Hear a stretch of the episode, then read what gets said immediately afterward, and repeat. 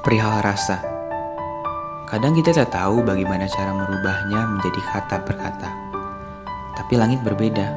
Aku hanya perlu memandanginya tanpa berkata. Lalu pulang dengan perasaan lega.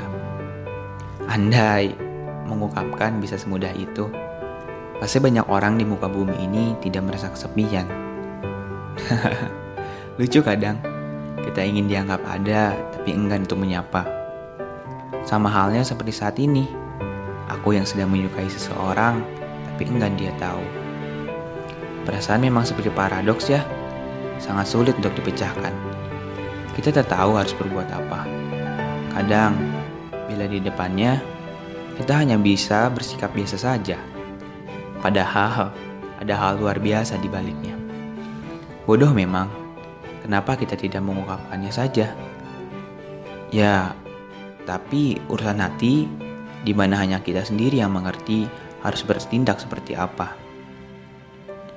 Untuk kalian di luar sana yang sedang mencari ataupun yang sedang berjuang, saya doakan agar keinginannya segera tercapai, agar kita sama-sama dapat merasakan apa arti ya kebahagiaan.